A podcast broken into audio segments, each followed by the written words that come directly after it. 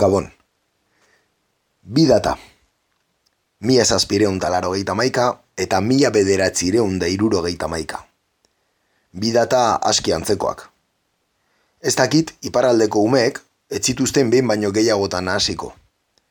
Ikasteko, gogorik gutxienekoek, esku aurrean idatziko zituzten azterketarako, eta eskuari begira kopiatzen hasita ere, hanka sartuko zuen batek baino gehiagok. Frantziako lehen errepublika osatu zeneko konstituzioari dagokio bata. Bestea, bosgarren errepublikakoari.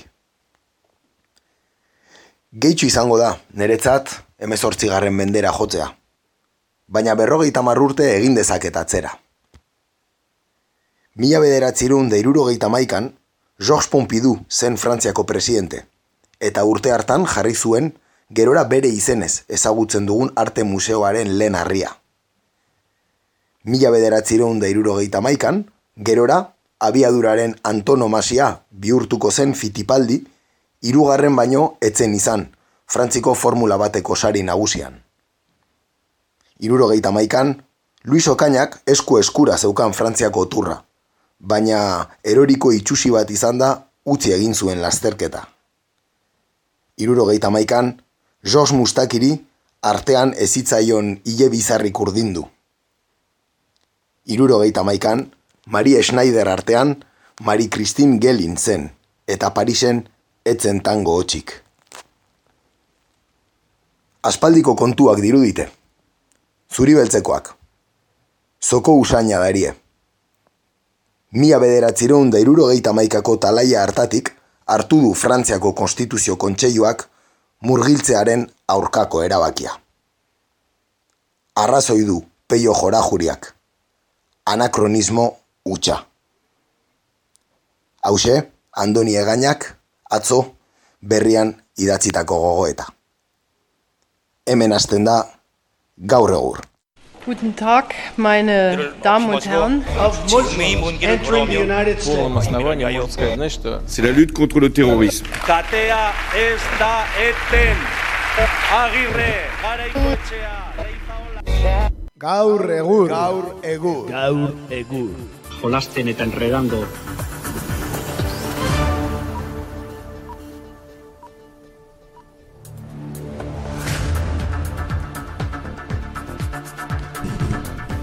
Bueno, Arratxaldeon. Kaixo. Kaixo den hori. Apa, Txaldeon. Hori da, lehenengoan ez zaizula entzun, botoia gaizki sakatuta, neukan. E, ba hemen txegaude, bigarren astelena jarraian, ez da? E, kakentzonako estudioetatik zuzen zuzenean. Hori da, joan zaigu jet laja eta ja dagoeneko zuritu zaigu azala ere. Bai, da oso osorik ez, niko hendik pixkat kolore politxa ikusten dizut. Bai, eh? zuek ondartza nibilizate baita azte honetan eta kuban izan baltzinate bezala, beraz... Ez? Bai, pixkat... Nostalgia apur batekin... Mantentzen, kolorea mantentzen. E, esan e, labankatako bat gaur ere ez daukagula hemen, e, kuban utzi genuen. Eta jarraituko du ziurrenik. Bueno, iritsi zaiz urrumurroa, Bielorrusiako egazkinan zijoala. Ez dakit Ah. nun behatu den. Ez dakit Lukashenko kin dagoen, o, o gertatu zaion. Behar bada berazen, ez? E, Kazetari hori, ez da? Hori da. Ez kazetaria bada, ez da, eh? Baina irratxaio famatu batekoa. Hala ere bera hotxantzun izan, ahal izan dugu, orantxe. Baina atzo grabatutakoa, beraz, ez dakigu gaur, e, Bielorrusia note den, onon. Eh? Zein daki. Bazpare eskubinak. Bal dagoen lekuan Hori da. dagoela, zaindu dadila. Bueno, ba, horixe, bigarren astelena jarraian, eta hemen gaitu zuela, guazen, ba, bertako kontuekin. bertan gau.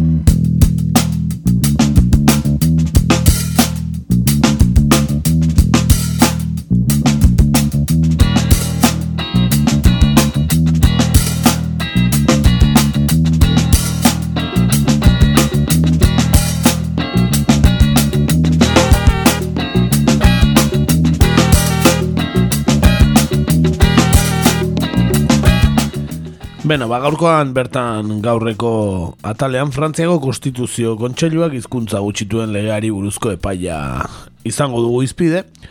Aprilaren hasieran onartu zuen e, historikoa izatera deitua zegoen legea, molak legea gisa ere ezaguna. Frantziako legitzarrak, baina irurogei bat diputatu konstituzio kontseilura eraman zuten eta honek erabaki du hainbat artikulu konstituzioaren aurkakoak direla.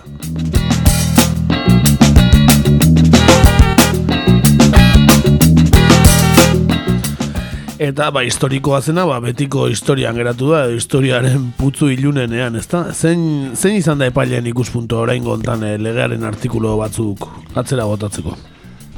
Bai, bueno, ba, e, Frantziako konstituzioaren aurka doala esatera mugatu dira, ez, besterik gabe. Eta hori da beraien lana, konstituzio hauzitegi baten lana, hain zuzen, ez? Espainikoak egite duen modura, ba, Frantzian ere, e, gogo eta gar berberarekin, ba, konstituzioa interpretatzea besterik ez dute egiten. Eta, beno, e, mendik esan, e, guk ere epaia goretsi dutenek bezala, ba, ez gera lasartuko, e, e, ez baian jartzen epaileen erantzukizunik, ez? Baina, e, kompetenteak direla pentsa dezakegu, hasiera batean. Baina, orduan, beste hau goretsi dutenek, e, planteatzen ez duten arazo bat datorkigu burura, ez? Eta zera da. Orduan konstituzioa bera da akatsa, ez? Eta gaizki dagoena eta ez? Azkenean hizkuntza gutxituen lege bat onartzen ez duena eta naiz eta e, diputatuen gehiengoak onartu, ba behar bada badauka berrikusi bat iz, berrikustea izateko beharra, ez? Bosgarren Republika oso ondo egintzen eta horrela xe ondo dago. Eta ez errikutu behar, den dienez. Hori da, de gaulek sortutakoa ez dezala gizonak ukitu, ez? Eta, beno, e, dena den jakin nahi duenaren zat, ba, e, Frantziako Konstituzioko Kontseioaren ebazpenak onela dio, ez? Hau da bere argudio teknikoa. Konstituzioaren bigarren artikuluan, sedatutuakoaren arabera, zuzenbide publikoko pertsona juridikoei eta zuzenbide pribatuko pertsonei frantsesaren erabilera inposatzen zaie zerbitzu publikoko eginkizu bat gauzatzean. Administrazio eta zerbitzu publikoekiko harremanetan, partikularrak ezin dira baliatu frantsesa ez den beste hizkuntza bat erabiltzeko eskubideaz. Ez da horren erabilerara behartuak izan ere. No, ez dakitzuei, baina nahi argudio argudio honek etxeketasun sentsazioa ematen ditez. E, euskera inposatzearen eta guzti honek e, nolabait badauka ispilu abialdeetan. Baina, bueno, e, esan kolpe galanta izan arren, orain gontan gainera sortu diren espektatiba guztiak zapuztu direlako, ez? E, honetan pentsatzen zen baietz, aurrera egingo zuela. Baina ezin dezakegu esan dena den ezoikoa denik, ez? E, espero genezakeen Frantziako konstituzio epaitegitik. Eta, bueno, azken finean Frantziako e, estatuaren oinarrian bertan kokatzen direlako, ez? Ez bakarrik bosgarren errepublika hontan, baizik eta lehengoa mila zazpiron eta larro maikatik datu zein zuzen, ez? E, duela berronda berrogeita urteko ideia kalegia. Eta, bueno, Frantziar iraultzak eh, askatasun eta eskubidean hitz eman zizkigun arren, ba, akats asko eta larriak ere egin zituen, ez? Eta esate baterako, ba, homogeneizazio eta asimilazio prozesu batek e, ba, legearen gaineko berdintasuna bultzatzen duen ideia hau zabaldu delako, ez? Denak berdinak egiten, e, desberdintasun guztiak ezabatzen, denak egingo gara berdin. Eta behar badori ez da ikuspuntua, ez? Eta, bueno, ba, esan e, betidanik sortzetik izan dela Frantzia joera horren aldekoa eta iraganeko kate jakobinoaren egiteko modu eta nazionalismo txabo, txobinista, eh, pentsa e, termino ere frantses jatorrikoa da, ez? Ba, izan dira bi gauza hauek Frantzia definitu dutenak, ez? Historia guztian zehar. Bai, bai, e, aukeratuen hizkuntza izan da, ez? Frantsesa. Hori da, erabili daiteken bakarra. Hori, jangoikoak ala dira zuen edo... E, jangoikoak ez, e, errepublika laikoa izan delako beti, Frantzia bai. Republika, baina... Napoleon, orduan. Bai, Napoleon, ondo.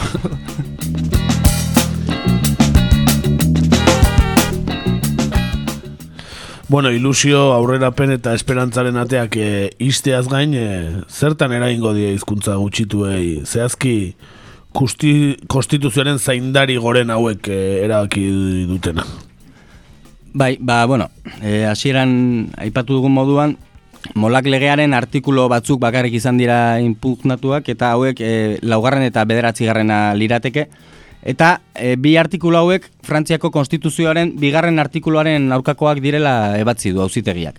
E, artikulu honek dio frantsesa dela Frantziako Errepublikako hizkuntza bakarra, ez? Hori da Espainiako konstituzioak bigarren artikuluan ere esaten du defi, bera definitzen duen artikulo bada, eh, uste dut, ez? Ez dakit e, indivisibilitatea edo uste dut zehazten duela.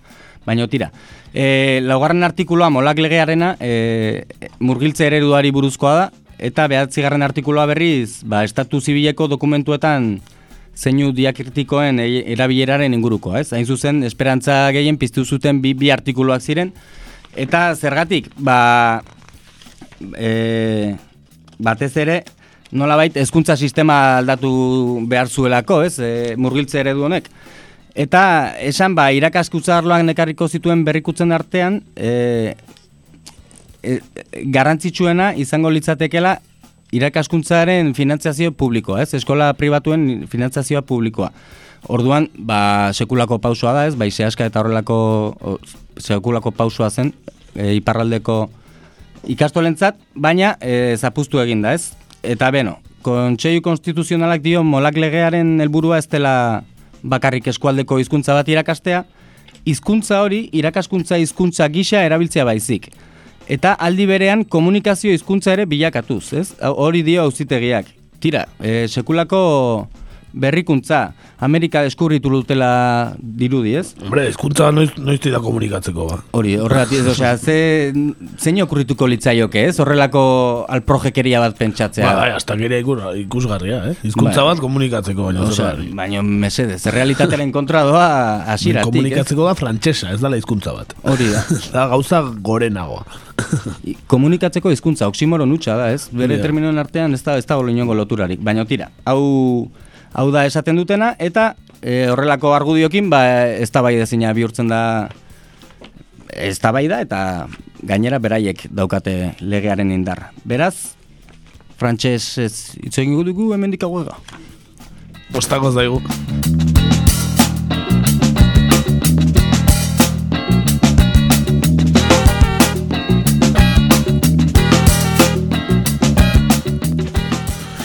Goratu behar dugu gaina legea gehiengo zabal batek onartu zuela, ez, e, Frantziako gortetan. Bai, e, ba, hau ere historikoa izan zen, ez? Baina lege proposamenaren aldeko boza eman zuten besteak beste errepublikanoek, sozialistek, ekin elkarrekoen taldekoek, komunistek, UDI alderdikoek eta modemeko gehienek, eh? Alderdi batzuk. Eta kontra agertu ziren bestalde, ba, Frantzia insumisoko gehienak, ez? Hau, e, Melenchonen alderdi berria da.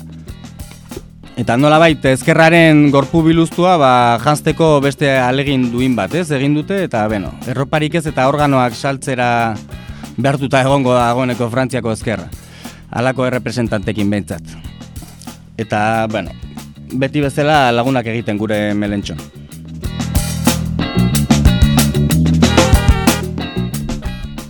Aipagarria da gainera irurogei diputatuk jarri zuten delegitea legearen zeigarren artikularen kontra zela.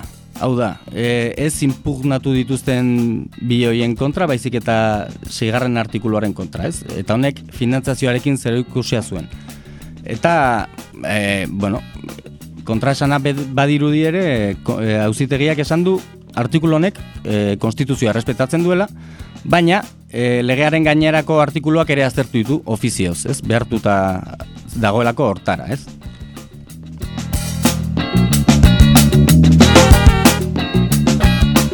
Eta behar bada pentsatzen dugu hemendik elegitea jarri zutenek e, jakin bazekeitela finantzazioan ez ezik beste gaietan ere sartuko zela auzitegia ofizioz egin behar zuelako hain zuzen eta zergatik lokaztu behar zuten eurek, euren burua e, iritzi publiko frantsesaren aurrean, ez? E, ba, nolabait frantsesa ez diren hizkuntzak eskoletan ez direla irakatsi behar esan, ez? Nolabait e, horrek dakarren karga negatibo eta alde ilun guztiarekin, ez?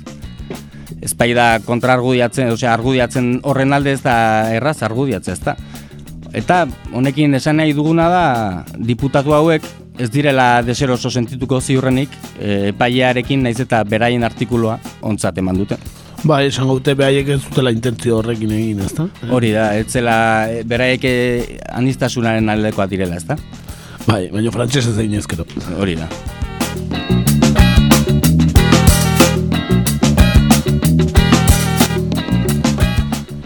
Eta ba hauexe dira, ez? Frantziaren egiteko moduak eta bueno, e, gaiarekin zuzenean loturarik ez duen arren audio bat ekarri dugu. E, hau, azpirakurketa bat edo onartzen duela, ez? E, hemen gure presidente Emanuelek ez dakigu izena pelikulagatik jarri zioten. E, nola erantzuzion kalean bere esperoan zeuden jarraitzi, jarraitzaietako nerabe bati, ez? Honek Manu deitu zionean, ez? Ola kaleko hizkuntza erabiliaz. Bien, mais ça va je la connais, ça va Manu Non, non, je suis pas ton copain, non, non, non, non. Voilà, tu es, tu es là, dans une cérémonie officielle, tu te comportes comme il faut. Donc tu peux faire l'imbécile, mais aujourd'hui c'est la Marseillaise et le chant des partisans, tu m'appelles Monsieur le Président de la République ou Monsieur. D'accord Voilà, c'est bien. Et, et- et tu fais les choses dans le bon ordre, si le jour où tu veux faire la révolution, tu apprends d'abord à avoir un diplôme et à te nourrir toi-même. D'accord Et à ce moment-là, tu iras donner des leçons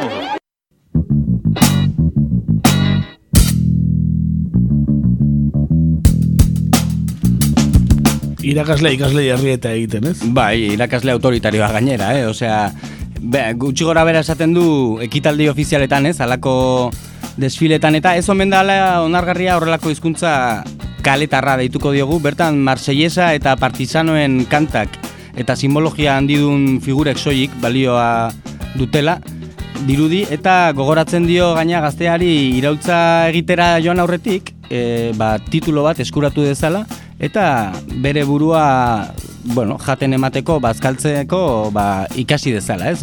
Bere burua hornitzen behintzat. Gastronomia oso garantzitsua da, Frantzian. Ze, ze, tre important.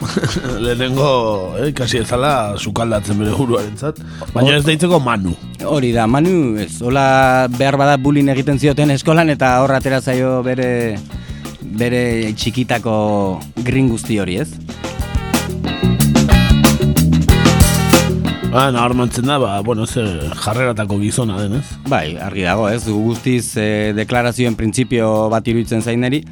E, eta edo nola ere ez dakit bere herrialdeko iraultzak sustatu zituztenek, ez? Mila zazpiron da laro eta behatzikoa titulo asko ote zituzten, ez? Frantziako Errepublika sortu zuten haiek, klase se haiek. Behar bada titulo asko dun jendearen kontra egiten zuten eta gauzak aldatu egiten dira, ez? Nik uste gillotina erabilitzuena, ba, zala, titulo duna eta sukaldari bikaina ere, bai, uste dut. Gillotina sortu zuena? Ez, erabilitzuena, eh, ez, erregeak eh, dekapitatzeko. Ah, bai, el, bai, bai, hori ederratzen. Sukaldari oso no, bentzat.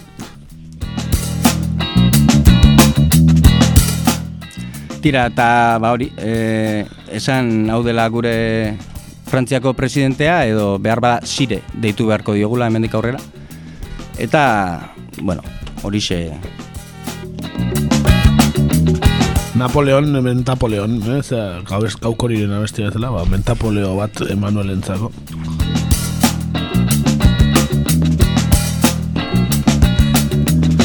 Bueno, logikoa den bezala, ba, guzti honek, e, ba, reakzio egarriko zituen, ezta? Bai, eta askotarikoak, ez? E, bultzatzaien artean batez ere samina, zerrea eta tristura entzun izan ditugu.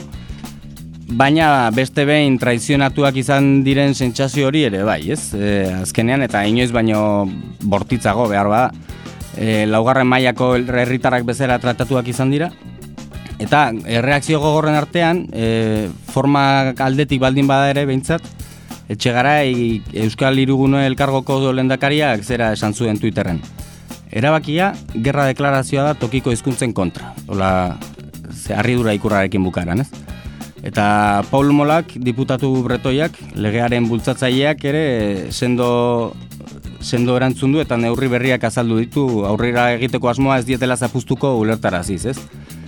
Eta, beno, ba, guzti honen saminaren kontra edo, e, normal nolabait positibismo pixka bat zabaltzearen gogoratzea beharrezkoa da, e, indarrarreman erlazio berri bat ikusi izan dugula, ez? Behintzat e, diputatuen artean, eta azken hilabetetako eta urtetako tokiko eragile batzuen aldarrikapen zirenak, ba orain Frantziar agendan daudela, eta ba, bueno, hau berria da eta bere balorea ere eman bartzaio, ez? E, beste guztiaren gainetik, ze honek guztiak albidetu du alpiriaen sortzian, ba, eskualde hizkuntzen patrimonio babeserako eta promoziorako legea gehiengo zabalez onartua izatea, ez? Eta ba, badauka balio bat, eta behar bada etorkizunean gauzak aldatzeko bidea ireki dezake. Eta, bueno, ba, horren esperoan geratuko gara, eta behar bada Frantziako Errepublika zein du erortzen ikusteko ordua llegatzen denean, eta llegatuko da guri tokatu ezarren, orduan behar bada norbait, eta batzuk euskaraz trufatuko dira haien aurrean. bai, agian, bai, baina ja, eskolatan erakusten dizke, irakasten dieten euskera, bai, ordurako. Zaila izango da, baina ikusiko dugu. Bai, Esperantza ere- bai, noski, hor- eta indar relazio berri honekin posible izango da. Hala ere, gehiengo handi bateko onartu zuen legea, baina, bueno, gero hortik ia inorrek ez du ez baian jartzen errepublikaren izatea, ez? Ez, baina ba, aldaketa txiki ez, ez? Bentsat, astea garrantzitsua. Ez da iraultza bapateko bat, baina... Bai, baina, bueno, bintzat, eh, kontzientzia batzuk eh, astintzeko balio badu, ez? Eta jakiteko, ba, hain, hainbat askatasun ematen omen dizkien errepublika horrek, ba, beste batzuk entzen dizkiela, ez da? Hori da, beste asko itotzen dituela, ez? Askatasu hori ematearren, baina...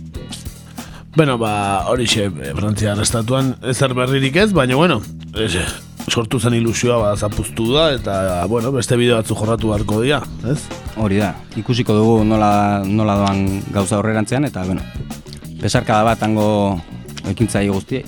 Hori da, ja, agian eh, monarkia eskatu beharko da berriro, Frantzian. Dudarik gabe, Luis Emeretzi garrena gurean nahi dugu. Bueno, ba, hortxe, ba, ba hori gaurko bertan gaur geneukana eta guazen nazio artera.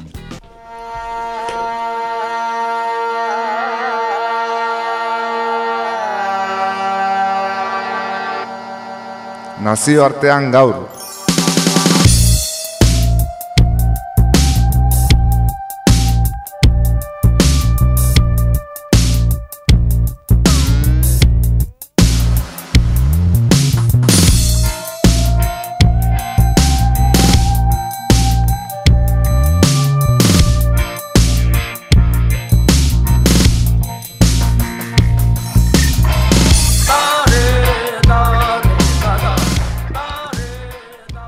Joan den aste artean, hilak emezortzi, zeuta eta Maroko arteko mugatik milaka, milaka lagun igaro ziren aste artetik asteazkenera hainbat pertsonak igaro dute Espainia eta Maroko muga, ez? Esaten ari, giren moduan.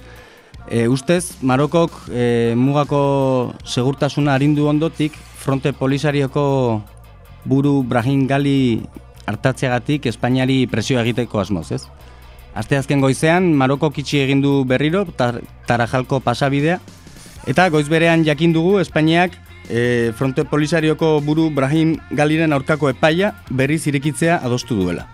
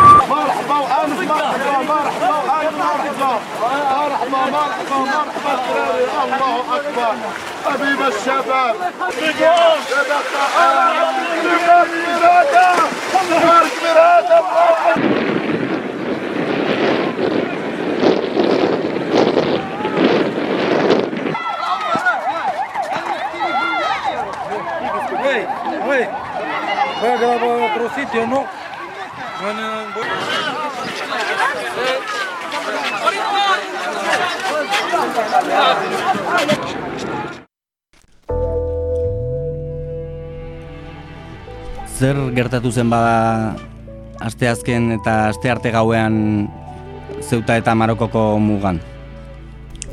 Ba, bueno, pixat audian ere entzun dugu, ez? E, ze giro zegoen bertan, ez? Ba, aste hartetik aste azkenera bitarte, ba, e, oikoa baino lagun gehiagok igaro zuten Maroko eta Espainia arteko muga. E, Espainiako, bueno, kolonia ditu dezakegun den zeuta ba, hainbat migratzaile pilatuz, ez? E, eman diren zifren arabera, e, bueno, ja, sortzen mila eta hamar mila lagun inguru esaten dute, igaro direla e, aste arte goizaldetik, eta jenerena gutxienez aden txikikoa, ez? E, herrialde batetik e, besterako igara aldean, e, ja, eriotza bat ere gutxienez egon dela badakigu, eta hori e, pixka bat hori da panorama ez? E, gaur esaten dute no, gaur azkeneko zifrak e, amar mila lagun inguru esaten zuten ez? E, guztira pasa, pas, pasatzen saiatu direnak ez? Eta ja gutxienez ez azpen mila eta bosten e, itzuli erazio dituzte Marokora ez? Eta bueno, bertan daudenak ba, suposatzen da aditzikikoak edo direnak direla eta bueno e, naiz eta ba, salatu duten ere, ez, hainbat adin txikiko ere itzultzen ari dira Marokora, naiz eta legeak e, hori ez duen onartzen, ez? Eta pizka bat e, hori da hori daukagun panorama, ez? Dena den legeak e, onartzen ez duela askotan ikusi ditugu, ez? E, gauzak egiten baita bapateko e, devoluzio hauek eta bar, ez? Baina ze, ze izugarria den, ez? Po, e, politika internazionala edo geopolitikak horrelako biziekin jokatzea, ez? E, zazpi mila pertsona etorri, gero bueltatu, e, bosta jola zaie erabakiak hartzen dituzten nahi. Baina tira, e, zeuta eta melillaren historiari errepaso txiki bat egin dieza jogun, ez? E, bi hau, hiri hauek Espainiarekin duten erlazio edo harremana nondi datorro, ze... Nolakoa da? Bai, bueno, eh, Espainiarekin eh, mente askotako harmana duka ez, egia esan ez. Bueno, pizka bat labur labur aipatu ez, ba, eh, ba, Kristo aurretik eh, iruen dagoian, adibidez, ba, Kartagoren esku geratu zen ez, lehenengo gerra punikoa delakoan, eta bigarren gerra punikoaren amaieran Mauritanoen esku geratu zen, ondoren ja, eh, Kristo aurretik eh, berrogei garren urtean, eh, Erromatar imperiora batu zen, ja pixka bat gure garaira gerturatuz, ja zeiren da garren urtean, ja kristo ondoren, e, bizi, bizi goden esku eratu zen konklabe hori. Eta ja da, zazpireun da lara eta sortzian, e, idrisi emiriatoaren esku zegoen, ez?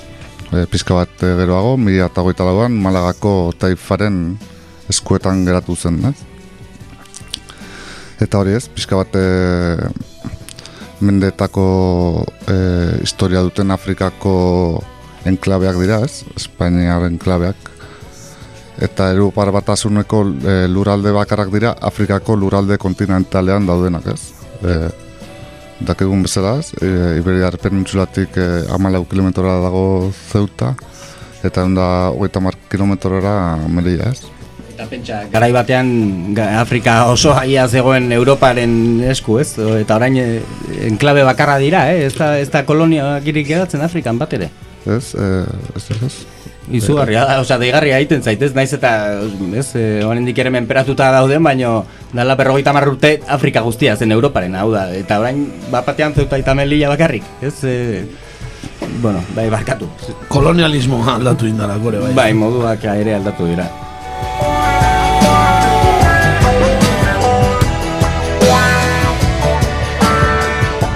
Bueno, errepasoarekin jarraituz, esan daiteke orduan beti danik dala Espainiarra, ez da? E, Zema da, irumila urte Espainiarra izaten, ez da? e, Pizka bat, e, aipatu, ba, e, bueno, berez, Espainiakoak dira e, amezazpigaren mendetik, e, nahiz eta e, ja, amausgarren mendetik e, Portugaldarren esku geratu ziren, ez? E, hau da, mila laren dama ostean e, Portugalek konkistatu zituen bi biri hauek ez. Eta e, ondoren Espainia eta Portugal batu zirenean, mila bostun da laro gehian, ez? Ba, ba Espainiar e, bueno, koroaren esku geratu ziren, ez? E, pizka bat e, aipatu, ba, horrela jarraitu zuela, ez? E, ja, ordundikan ja Espainiaren mende dela, ez? E, eta pizka bat e, aipatu e, A- Afrikako ganerako kontinentei bizkarra eman da bizi izan direla, ez? Eta batez ere e, garai batean penentsulatik e, ba, erbe esterututako militarrak eta presoak e, bizi zirela bertan, eh? Kartzela moduan, ez? E, Frantziarrentzako guaiana zen moduan, ez? Papillon eta bidali zituzten gura. Bai, hori da, eta Britaniar imperioak ba, Australia eta erabili zituen bezala, ez? Piskat urrunago. Britaniarrak askoz kabroiagoa, txabal. bueno, mundu berri bat ez da gultarazten zizuten. bai, bai, beka, segi Australia Bai, baina, bai, Espainiak joera hau e, meretzigarren mendearen azken eren arte mantendu zuen, eh? Osea, mende askotan zehar mantendu zuen ola kartzela gisa. E, eta gero pixka bat e, ja, ondoren Afrikako iparraldeko e, Espainiar pro, protektuaren garaian, e, mila behatzen da amabi eta mila behatzen da bergoita masei artean, ba, biri, biri hauek pixka bat e, baztertuta geratu ziren, ez? E, pixka bat e, ba, e, gehiago gelditu ziren Espainia penintsulari lotuta ba, Marokoko protektuari begira baino, ez?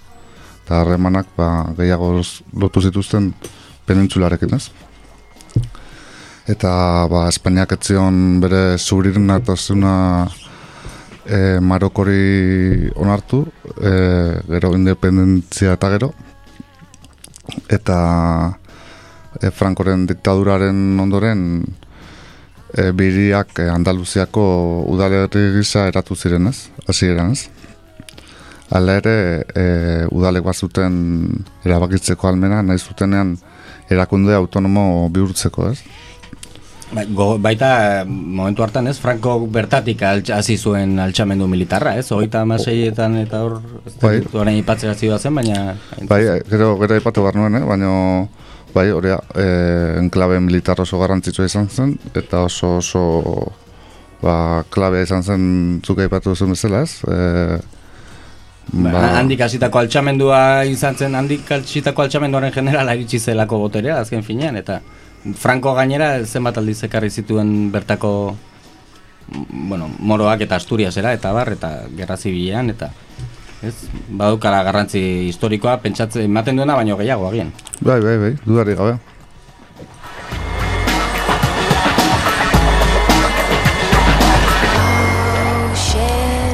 Ba, bain badia hiri autonomo, ez da? Edo nola dira? Hori da, e, ja, mila behatzen dala erogeita bosta geroztik, hiri autonomo statusa dute, eta e, hibrido juridiko arraroa dute, ez, da autonomi hiri dira, baina ez dute autonomia ba, erkidego batek duten eskumenak, ez. Ez dute legintza almenik, ez osasunaren eta hezkuntzaren kudiaketarik ere, adibidez, ez. Ez da Euskal Telebistarik. Asko galtzen dute, eh? Ja, ez da, hori da, autonomiaren parte garrantzitsuena hori da. Hombre, igandetan pelota.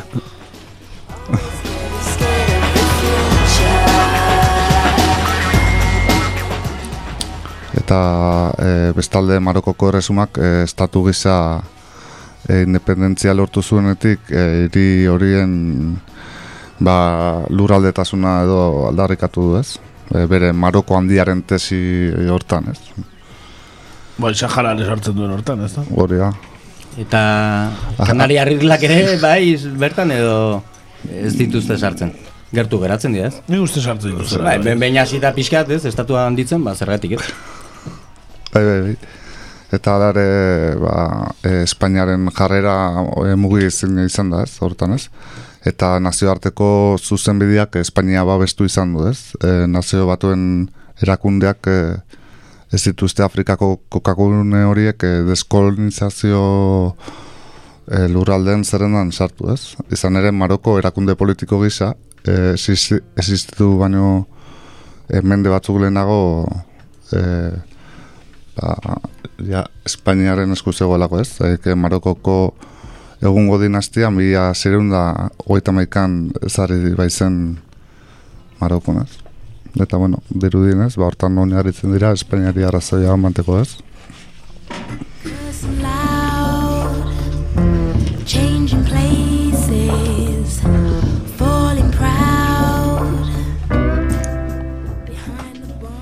Eta zerk eragin du krisi humanitario berri hau edo kasu honetan Espainia eta Marokoren arteko gatazka, ez? Ba, pizka bat esan daiteke Marokok estrategikoki egindako mugimendu bati erantzuten diola, ez? Ba, iaztik eh, erabat itxita zegoen eh, bidea, ba, pandemiaren ara, bueno, e, aitzakipean, ez? Eta ba, orain ireki izan ez da kasualitatea, ez? Ba, e, Espainiari presio egiteko erabili du Marokok eta dakegun bezala arrazoia ba, Saharako gatazka da ez eta frente, frente Polisarioko buru den Brahim Gali e, Logroñoko erietxean hartatu izan ez eta bueno e, aste azken goizean e, Tarajaleko pasabidean e, segurtasun indarrak gogortu egin ditu berriz e, Marokok ez eta, bueno, hainbat ja, pertsonei gara bidea itxi diez. Eta e, goiz bertan bertan, ez da, kasualitatea izango, Espainiak jakin zuen e, galiren aurkako hauzia berriz zirekiko zuelaz. E, Santiago Pedraz, ezakite ezagutzen duzuen, zerbaitetaz, ba, Espainiako... Zijotzen, zijotzen. Neire, no me suena dena. Ozetegi nazionaleko instrukzioko bosgarren zenbakiko e, paiak ez eta ba, e, mugetan emandako gora berak alde batera, ja, azte azken goizerako Espainiak e, herrialdetik e, kanporatu erik zituen ja persona gehienak, e, lehen nahi dugun bezala. Eta ba, hainbat erakundek e, gaitetzi egin dute nola Espainiako gobernuak e, ba, gertakaren aurrean zekarera azaldu duten, ez? Ba, e, eran, Espainiak eman duen erantzun bakarra, ba, ikusi dugun bezala militarrak e, bidaltzea izan da. Bai, bai, eta bakarrik adin txikiko batzuekin geratzea ez. Beste, beste, e, ez zaite, Euskal Autonomia Erkidegorako amalau ez, zian, no? tasa bat intzuten, eta betetzen diren edo betetzen ez diren tasa bat, oi, nola, nola Ba, dijo Baina hori? ez baizu betetzen amalau pertsona eh, zenbat gatu dira lau mila edo eta amalau pertsonakoa ez baizu hartzen, ba ez da izan bat hartu bituzun. Bai, bai, ez esaten dut gain Europa Txiriako errefusiatuen krisia ontzanetik, handi jarraitzen du krisi horrek, ba, ez Europa, baina jarraitzen du ez, baina tokatu zanen e, tasa egin zien e, haiek ez dakit. Amalau ere iritsiko ziren ez dakit Espainiara, garai hartan. Aian ere, hori ere ez. Bai.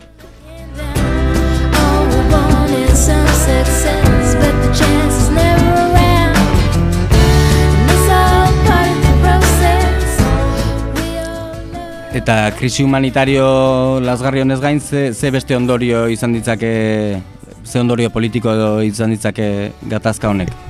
Bueno, ba, dakigun bezala ja krisi diplomatiko bat iriki du, ez, Europa eta Marokoren artean, ez, eta ja ba, Europako erakundek eta Europako, bueno, zenbat estatuk e, esan dute, ba, muga indartu behar dela, eta hori dana, ez, eta segurazki, segurazki ondorioak ekarriko ditu, ez, irudi horiek e, ikustean, ba, segurazki Alemaniako Nuremberg e, iriko ba, bibi botun edo ezakit, rubio batek ba, e, adibidez ez, edo ezakit, Europako beste zentokietan ba, segurazki ondo eza sortu duela ez, eta ba, hainbat euro iputatu eta ari baita bultzatzen ba, mugak endartu behar direla, eta bar, eta ondorioak edukiko ditu ziur ziur ez.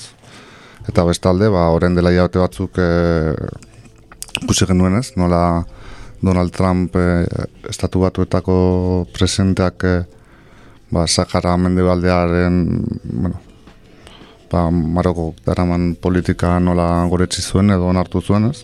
Ba, esan zuen Sahara Maroko zena zela, ez? Hori da, ba, hori azpi. Israelen hortzearen truk, ez? Marruekosek Israel onartu zezanaren truk. Edo. Ho- Hori ez, ba, Marokok bestalde Israelen hiriburua Jerusalem izatea ere onartu zuen, eta onartzeaz gantxarotu zuen ez. Eta bueno, e, bueno, Maroko eta Israelen arteko harremana historikoa da ez. Bueno, Marokoko alaubi dinastiaren harremana eta Israelena e, historikoa da ez. E, ba, erregetxe honek e, betianek izan du lotura bai Saudi Arabiako erregetxearekin eta bai- bai Israelekin ez. beti izaten da ez, ala hogeita hauek eh, Marokora odizare behiatik etorri ziren ez. Eta ben, Maroko, ba, azkenean kolonizatu zuten ez, zaik, eh, Bere garaian ez, aspaldi, baina bai... bai, berezko doak egun bezala, berezko Marokoko jatorrizkoak, ba, eh, amazik edo bere berak dira, edo Saharako Biztanleak. biztanleak eta barrez. Ez dira arabiar jatorrikoak. Mhm, Bai, hori da. E, etnikoki ez dira arabiarrak, naiz eta arabiera erabili eta musulmanak izan, ez? Adibidez, Iran persa da eta musulmana, ez? Edo Turkia turkiarrak eta musulmanak izan arren, baina hor badago askotan Bai, nazten da, ditugu. bai, jendeak nazten ditu kontzeptuak ez.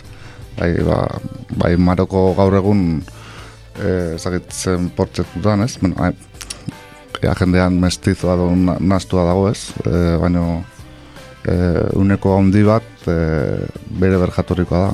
Dudari gabe, gero badago, ba, beste bat e, soik arabiar jatorrikoa dena eta gara ez. Bai, azkenean krisol txiki bat ere badaura, ez? Bai, bai, bai, bai.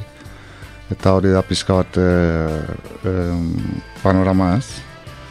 Eta ba, Espainiak guztionean du, duen erantzun gizuna, ba, dudari gabezen denez.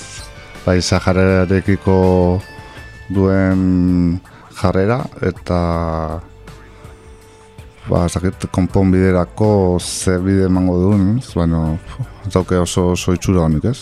Bai, oin dala, zenbat, mila bete doitzen genuen, ez, e, torkinei buruz, e, nundi pasatzen zian Espainiara edo Europara, eta bar.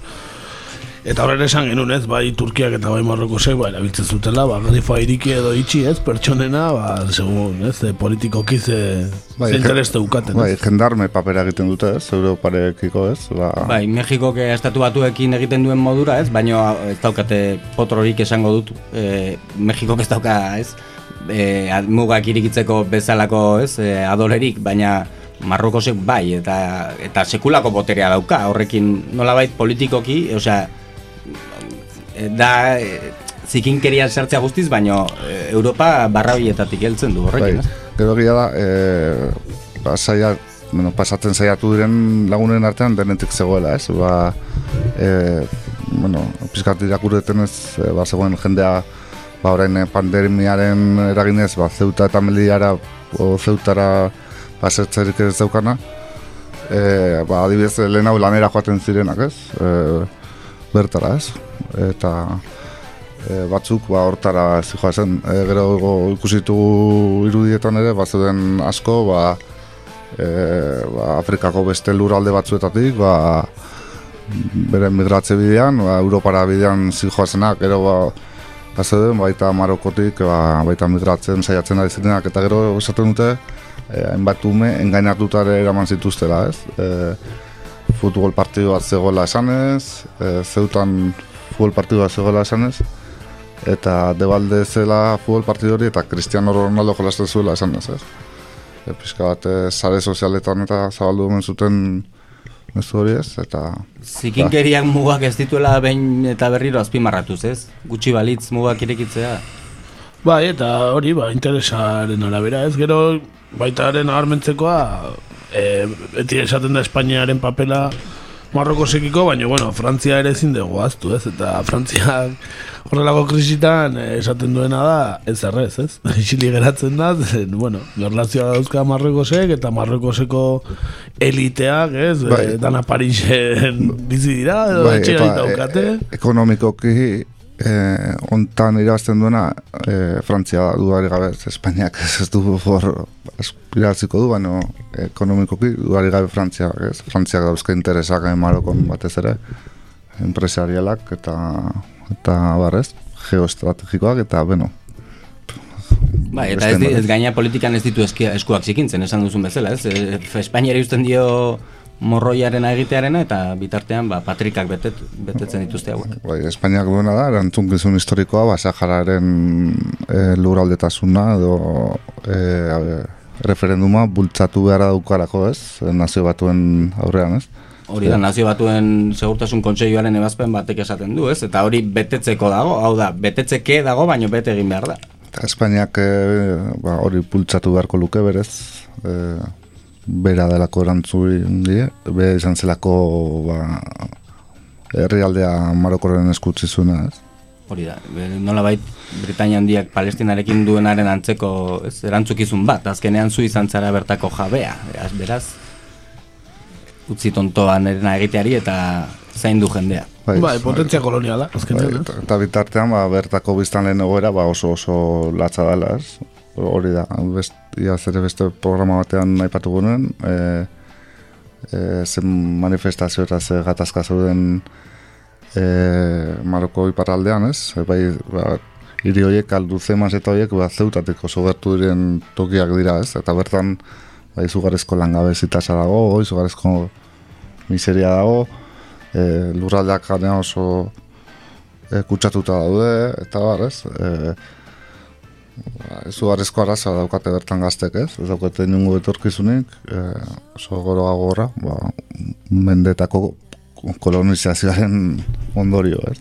Argi eta argi. Eta gero dagoen e, tratua, ez? E, ziur, aste honetan, e, Lukashenkori buruz itza, entzungo degula leku guztietan e, diktadore bat dala eta barrez, baina adibidez Marrokoko erregari buruz horrelakoak ez dira entzuten ez komunikabidetan. Esaten da, Marrokoseko erregea dala, baina ez da esaten Marrokos diktadura bat danik edo horrelako konturik. Diktadura, nondik, osea, aliatua da, eta hortik aurrera egin behar dira irakurketak ez. E, azkenean, puntu estrategiko bada eta Mohamed bo, sigarrena inor, inor gutxi kritikatzen du, ez? Azkenean, Europatik inork.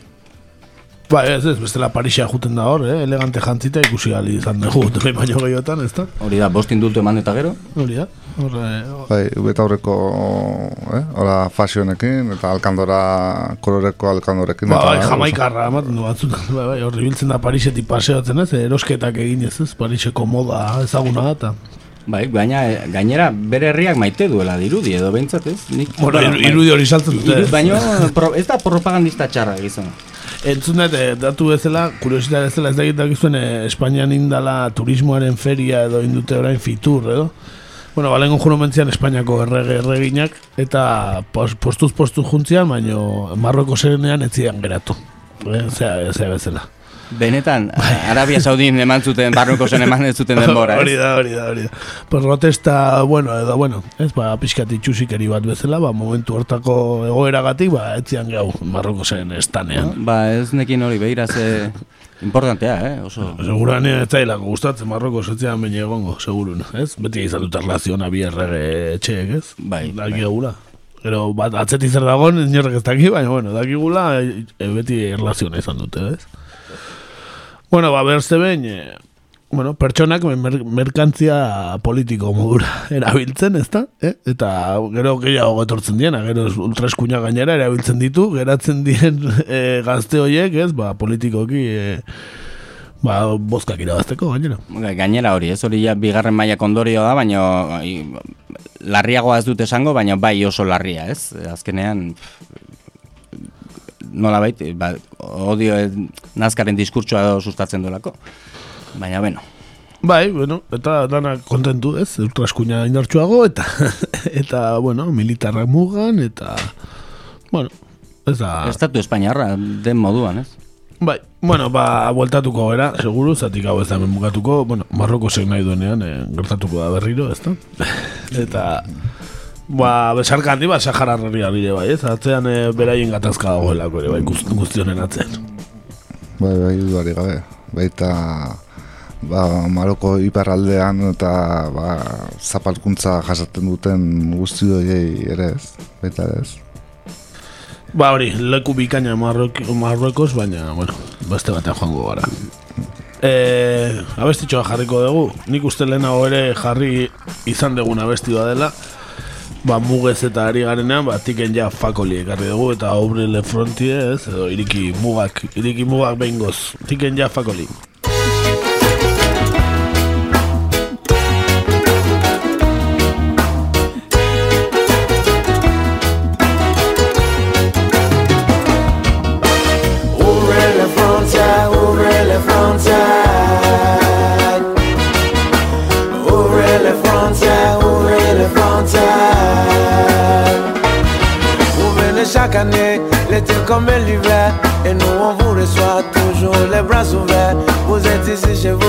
Après tout, peu importe. On veut partir alors, ouvrez-nous la porte. Ouvrez les frontières, ouvrez les frontières. Ouvrez les frontières, ouvrez les frontières. Du Cap à Gibraltar, nous sommes des milliers à vouloir comme vous venir sans rendez-vous. Nous voulons voyager et aussi travailler. Mais nous, on vous a pas refusé le visa. Ouvrez les frontières, ouvrez les frontières. Ouvrez les frontières, ouvrez les frontières. Nous aussi on veut connaître la chance d'étudier, la chance de voir nos rêves se réaliser. Avoir un beau métier, pouvoir voyager, connaître ce que vous appelez liberté. On veut que nos familles ne manquent plus de rien. On veut avoir cette vie où l'on mange à sa faim. Quitter cette misère quotidienne pour de bon. On veut partir d'ici car nous sommes tous en train de péter les plans. Ouvrez les frontières, ouvrez les frontières. Laissez-nous passer. Ouvrez les frontières, ouvrez les frontières. Y a plus une goutte d'eau pour remplir notre seau, ni même une goutte de pluie tout au fond du puits. Vite sur le chemin de l'école. Un beau jour, il décide de prendre son envol. Na,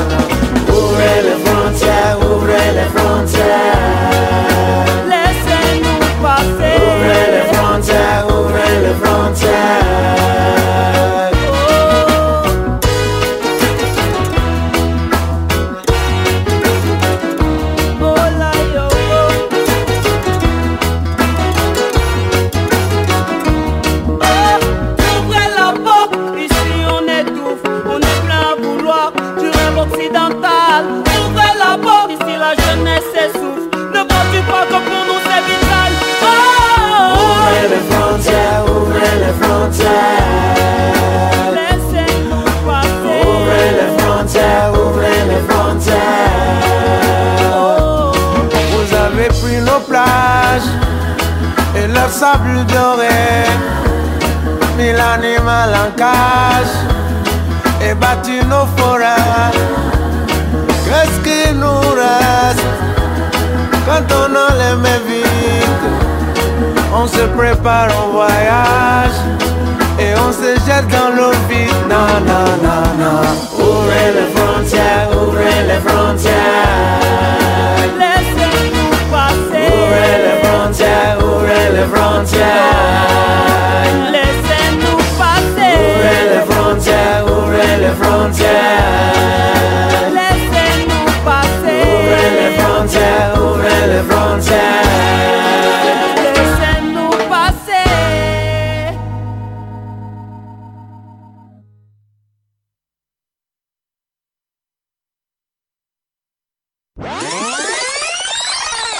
Gaurko egunez.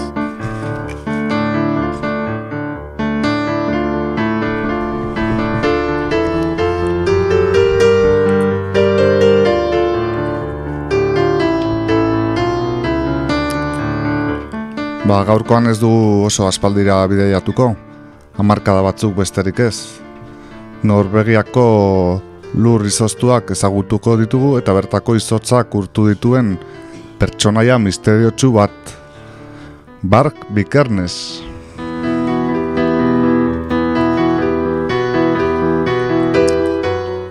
Eta nor da Bark Bikernes?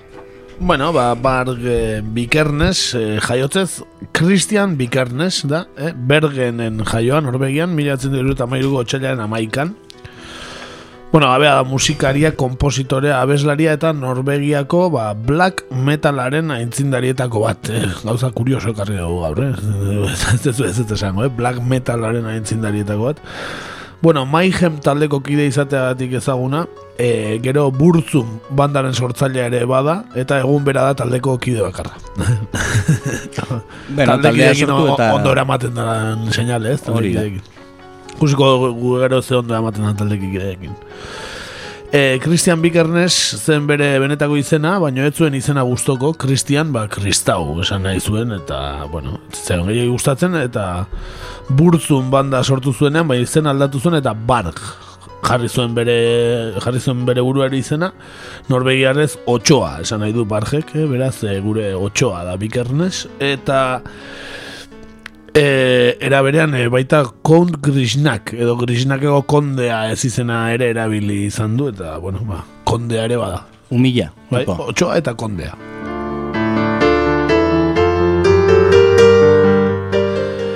Bueno, barg eh, instrumentu ugari jotzen hasi zen erabezaroan, eta laro gehieta sortzi eta laro eta behatzi urte inguruan, ama amasei urte zituela, baina bere lehen banda sortu zuen Kalashnikov izenarekin, eh? E, baina laizter izen aldatu zion eta uruk ai deitu zion. Baina, bueno, Bikernes beak ez dio balio handirik ematen lehenengo talde arriba bakizu. Hori, urukai hauek, e, zea, el señor de los anilloseko orko batzuk dira. Bai, eh? era, Zelako- erabiltzen ditu horren simbologia eta kontuak, eh, bai, mm. bai, el señor de los anilloseko kontuak, bai.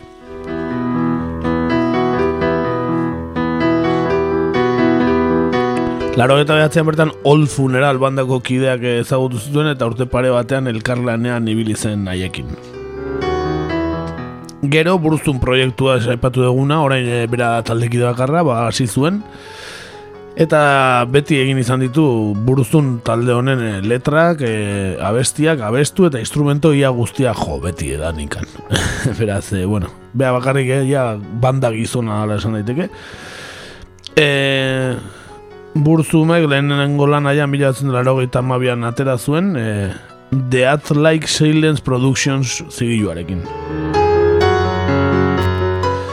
Zigilu hau zen Ostein Arse, Arsetena, ez? Eta, bueno, e, nahiko ezaguna zan ja black metalaren munduan Norvegian, e, Euronimus e, ez izena erekin, ez da? E, gainera, e, elbete dendaren jabea zen, Norvegiako death metalaren erreferentzia, ez, ba, templu nagusia, ez, e, gustatzen musika, hori gustatzen jende guztia, horra jutezan, ba, bai erostea, bal, bai diskoak, o kamisetak, eta danetik.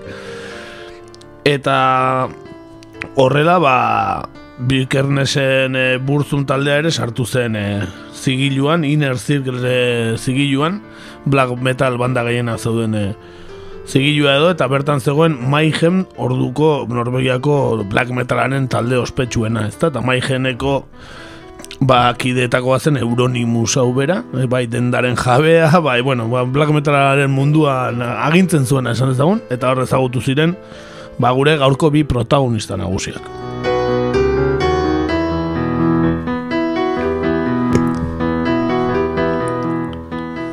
jarraitzaile asko lortu zitu, zituen mugimendua izan zen Eskandi, Skandinaviar black metala, ez? Bai, bai, beti izan du fama, ez? E, Skandinavian bai musikak, ez? Bai hasi abatik eta gero rock and rollera eta rockean ere, ez? E, bueno, famatua dirango talde asko. Baina hauek etzean in musika bat bagarri famatu. Bai arsek eta bai bilkenesek e, ideia bortitzak zituzten, megalomanoak esan ditzagun, eta mitologia bikingoan azte zuten, e, ba, Norbeako nazionalismoarekin, bueno, ultra eskuina, bueno, ultra eskuinatik gertu ez, eta horrelako mugimendu batekin, eta, bueno, ba, jarraitzaile batzuk e, lortu zituzten.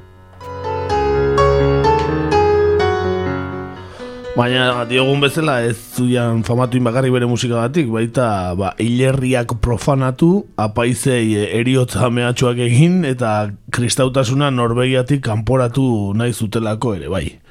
Eta ezarri nahi zuten politeismo paganoa, odinismoa bezala ezaguna.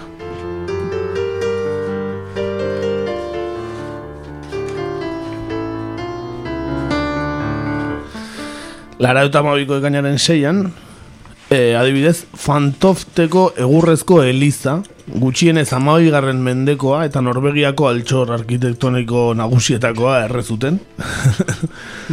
Ba, ez- zergatik ez, ez? Bai. Egurrezko baldin bada eta erregai ona da, ba, gotzen erretzera. bai, pinta ona zeuken, bai, bai, bai, amabigarren mendekoa eliza, eh? Zian zarrago asko ongo Norvegian, eh? Eta egurrezkoak eh, munduan esango nuke gauza gutxi geratzen direna bai, ordukoak. bai, bai, bai.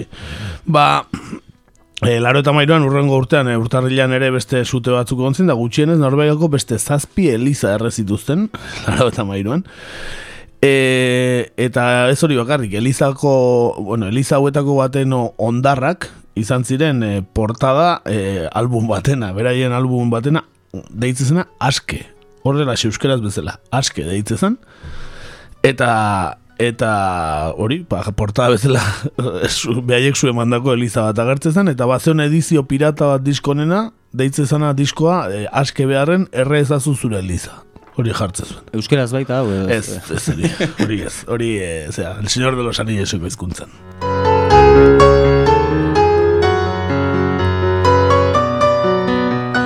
Bueno, kontu guztia gero ez da fama handiago hartzen hasi zen, eta Bik Ernesek berak, e, ba, elkarrizketa bat eman zien kazetari batzuei, eta esan zuen, e, baiet, elizen zuten atzean, beraiek zeudela.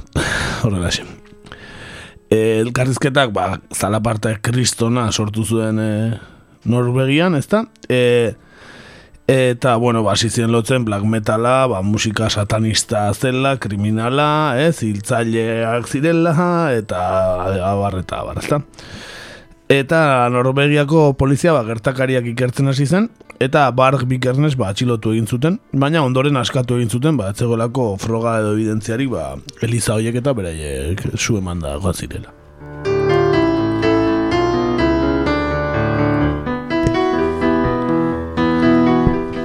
Bai, honek guztiak eh, black metalaren gorakada eta protagonistak famatu egitea ekariko zuen. Bai, ala ez. Arrigarria bada ere, elkarrizketak eragin zuen arreta mediatiko handiak. Eta bikernesen atxiloketak, ba, black metalen fanatikoen arreta handiagotu zuen, nola ez? Baino, hau e, etorri, bat etorri zen, Euronimus bigarren protagonista honen e, denda mitikoa elbete, ba, itxi egin behar izan zutela ba, etziolako diruak ematen, hori da bere, hori zan bere argudioa, baina Bikernesek e, esate zuen e, Euronimusek den daitxizuela bere gurasoek agindu ziotelako. Beraz, Elizak ematen ziten, baina gero gurasoek den da izteko agindu eta kaso egin behar. Utzi ezazu er, Elizak erretzeari eta itxi zure demoniezko den da hori, ez? Imaginatzen dut ama hor. Eta txukundu kuartoa. Eh? Hori da. Bai, ama. Bueno, ba, hola pixkat, hasi zen gure bi protagonisten erlazioa zikintzen edo gaiztotzen, ez? Bikernese pixkanaka euronimusekin, ba, hori, aserretzen hasi zen, da publikoki ere, ba, elkarri iraintzen hasi ziren, e, Bikernesek zioen euronimusek Norvegiako black metal estena guztia kontrolatu nahi zuela, eta barrez, eta, e, bueno, ba, aldentzen hasi ziren, e, bata bestearekiko, ez?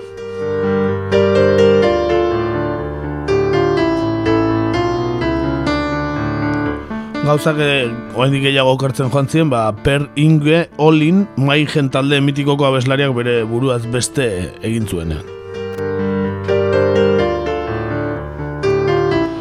Eta gara horietan bi erailketa ere egon ziren, eta horietako bat ba, gure bi protagonistena izan zen. Bi kernesek eh, bere lagun eta taldekide euronimos hil zuen bere eskuekin.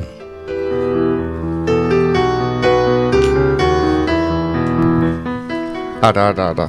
E, gure protagonistak bere taldekide eta laguna hil zuen. Ala, da, ala, da. Laro eta mairuko abuztuan, bigarren albuna saltzen jarri zutenean, e, e, zeak, e, Bilkernesen oingo talde burzum, e, beha bakarri jotzen duen horren bigarren diskoa salga jarri zuten gara iberean, Ba, Bikernese gauez e, Bergenetik Oslorantz joan zen, Norbegiako hiriburura, han e, han baitzegoen Euronimus, e, ba, bere lagun batekin, esnor rukekin batera. E, Bikernesen hitzetan lagun batek esan zion Euronimusek bera erailtzeko planak zituela. Eta e, bati baino gehiago hori esan omen zion torturatu eta hil egingo zuela. E, Euronimusek Bikernes. Hola zeuden kontuak, eh?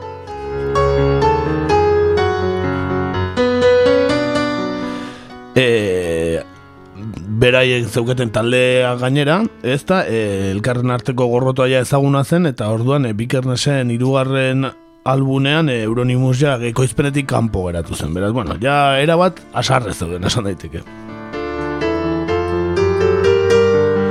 Esan bezala Bikernes eh, Oslorantz joan zen autoz, eta iritsi zenean telefonoz deitu zion e, kontratu bazte zitze egiteko aitzakiarekin e, Euronibusek. Beraz, e, kotxean e, Euronimusen apartamenturaino gerturatu ziren e, bar e, Bikernes eta bere lagun bat, Eta etxe barruan, e, bueno, bar bikernes bakarri sartu zen, eta Euronimusekin e, sukaldean e, izketan zegoela, Euronimusek labana luze bat hartu, eta eta bikernes erasotzen saiatu zen, labanarekin, baina e, bikernes konturatu eta eta etzion e, minik egin, eta orduan Euronimus korrika atera zen e, apartamentutik, eta bere atzetikan irtezen bikernes, e, ba, Euronimusek erabilitako labana eskuan.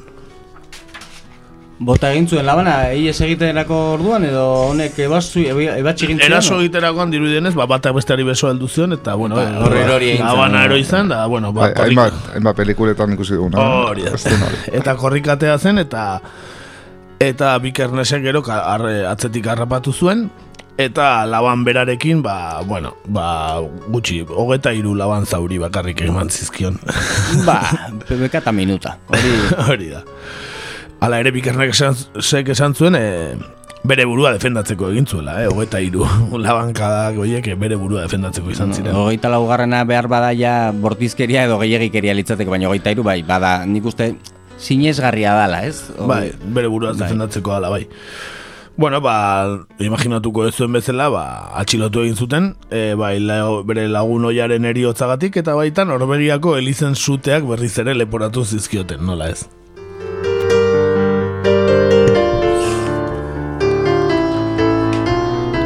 Beraz, e, urte batzuk e, kartzelan egingo zituen e, Bikernes honek. E, Ba, bai, egia esan, bai, Bikernesek e, ez du inoiz argitu nola izan zen gertaera osoa, hori da kontatu dizueguna da utxo gara bera dakiona, baina berak ez du inoiz argitu, eta bai, amasei urte egon da kartzelan, eh?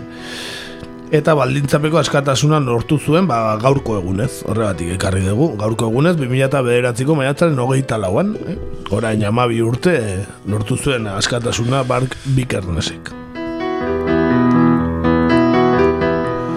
Denbora batez Telemark Norvegiako e, iriko etxalde batean bizi izan zen arren, orain e, Frantziara leku aldatuta dago, eta Marie Cachet bere emaztearekin eta bere zazpi seme alabekin bere etxea eraikitzeko lanetan omen dabil ba, limusin eskualdean Frantzian.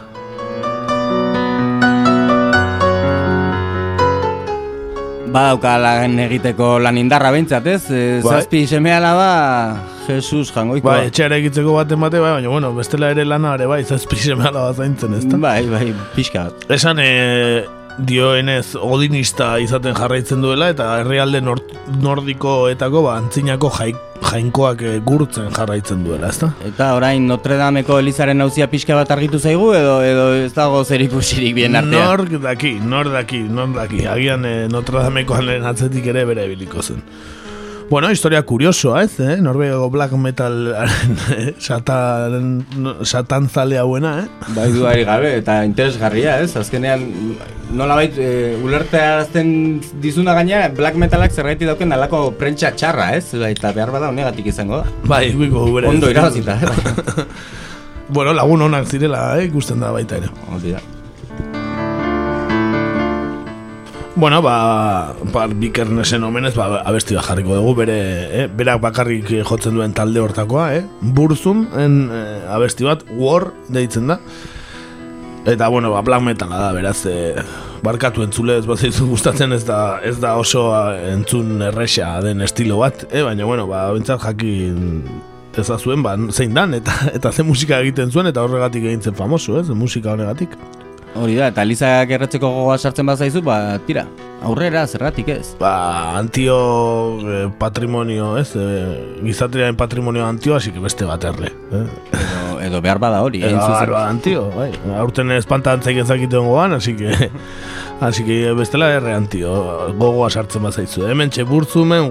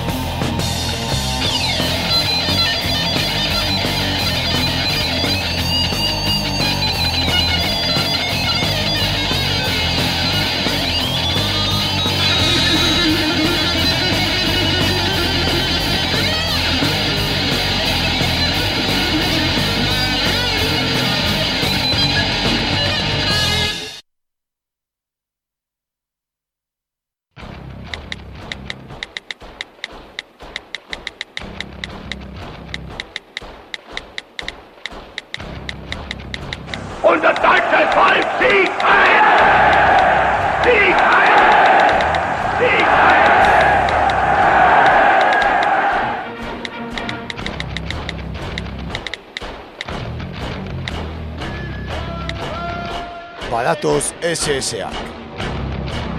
Sare sozialetan egur.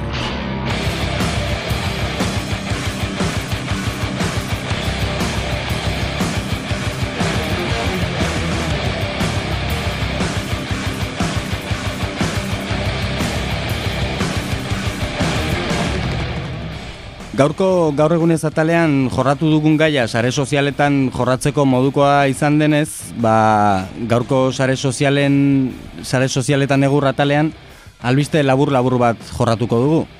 Baina laburra izanagatik ez garrantziri gabea. Izan ere pandemia amaitu da.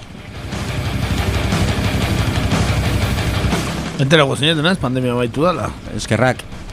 Bai, Bazen eh, garaia. hori iragartzeko, ba, atzo e, ekitaldia burutu zen hemen, urretxun, eh? E, izan ere, ba, hilabete askoren ondoren, urretxuko txistulariek e, kale jira edo pasakalia egin zuten, eh? Bazen garaia, hor- hori pandemia bukatuenaren seinale argia da, ez da?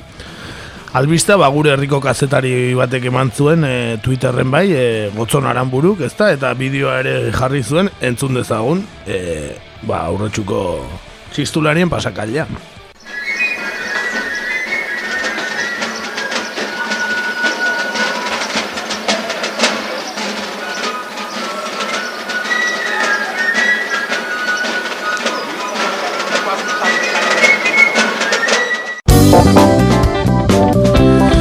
Eta esango ez eta ze, bueno, hainbestako txistularien pasakalia ez da albiste, ez? Bueno, kontua da, Twitterren iragarri zuen e, gotzonan hanburuk edo jarri zuen bideoa ez, pasakaliarena, e, eta Twitterren bertan erantzun zion e, iguntzek, iguntze ere, ba, bueno, urretxuko txistularia degula ez, pentsatzen dugu beha dala, eta alaxe jarri zuen, e, gogoan izateko eguna bai, baina udaltzaingoak e, modu egokian, baina gelditu egin gaitu, kalean jotzeko baimena eskatuz. Pentsa. Nondi datoz udaltzainak orain oraino, ze herritakoa dira. Beti bezain eh, zorrotz, betetzen legea, eh, udaltzainak. Beti esan herrikoi, eh? Joder, gerriko eh, txistulariei, pasakalia egin da horrein dio zuzenean jotzeko eh, baimena eskatuz. Pentsatzen dute eskatuta hau zutela, ez? Ez badia hilabetetan atea eta azte buruntan bai, zeu zergatik izango da, ez? Bai, eta gainera udaltzainak jakinaren gainean egon barko luketela, agian, ez? Baina tira. Hombre, beste batzutan kaminoaren mozten dute, kotxearekin, eta Bai. bai. ez, e, pasakalia daun. Bueno, ba, benetan harrigarria, eh? Ez que, orain ditugun e, udaltzainak eh, oso oso nivel altukoa dira, eh? Bai, ikusten da, aurrekoan ere bide gurutzea ikusi non gazte bat gurutzatzen lan Zumarrako Eliza ondoan dagoen bide gurutze hau eta zine aldera jisten dan hau eta eta ez dakit bi, bi bizpairu metro eskuirantz pasatzen eta mu, municipal bat Robocopen antza izatea gustatzen zaion Zumarrako municipal hau Sekulakoak eta bi esaten, eta antxe gelditu nintzen, zehoz esateko esperoa baino zanen baino, ze, ze municipalzek, municipal klase dauzkagu herrian, eh? Bai, eta bai. beste adibide bat. Ba, ikusten zu, txistularia pasakalia geratzeko, eh? eta permisoa deskatzeko, esango diazu, benetan, eh, azteko albistea izan da, eh, egia esan. pandemia bukatu da, baina udaltzaina, udaltzainak eten du pandemiaren amaiera ospakitzuna, eh, argita garbi. Jakin dezatela hemen ate blindatu da dugula, doble gainera. Bueno, hobez baldin badakite, eh? eta ez bestela hori botatzeko moduko zeutzek garriko dute. Eta. Hombre, ea horra, horra zea badaukagun edo horrelako zerbait. Bueno, hemen egin dekeu butroia eta behaien garajera sartu, ere hori ere egia da. Ez eman ideia handiegirik. Kontu zibil daitezela behan e, kotxea lapurtuko diegu eta. E, bueno, ba hori, besarka bat e, udaltzainei eta Hoendik handiagoa txistulariei, eh? jarrai dezatela pasakaila egiten. E, Igande guardian bada, hobe. Bai, goizean e, batzutan e, goizegi da, eh? jende goian dago eta ez da bain diosnatzeko ordua batzuntzat, baina bueno. Baina, Bai, bestela, osea, gure zuekin gaude, baina eguarditan. Igual, bai, atxaldetan. Oin pasakaila atxaldetan, napakea, eh? danantzatu be. Bueno, ba horixe, e, geneukana, e, abesti bat jarriko dugu, ba, bueno, ba, bi referentzia nagusi urretxuko, ba, txistulariak eta Gernikako arbola, ba, Gernikako arbola abestia, ba, txistularena. Kasu honetan, e, Jose Ignacio Ansorena jota txirri berberak, ezta, eh? txirri pailatzoak berberak, ba, bueno, ba, payasoa bat ere tartean sartze historienta honetan, eh? eh Ba, ez dago sobran. Txistulari handia da baita ere, ez? Payasoa izatez gain. Hori ere bai. Bueno, ba, hoxe, ba, datorren astera arte, ez? Hemen egongo gea, pentsatzen dugu. Oen dio, ez, ez ditugu oporrak hartuko, ez? Oen dala oporretatik aurreko astan etorrita. Hombre, ni be, behar ditut pixkat ja, eh? baina ikusiko dugu, urrengo asten jarraian egiteko kapaz ikusten naiz oraindik. Bueno, ba, horixe, datorren astera arte entzule. Bai, astena pasa.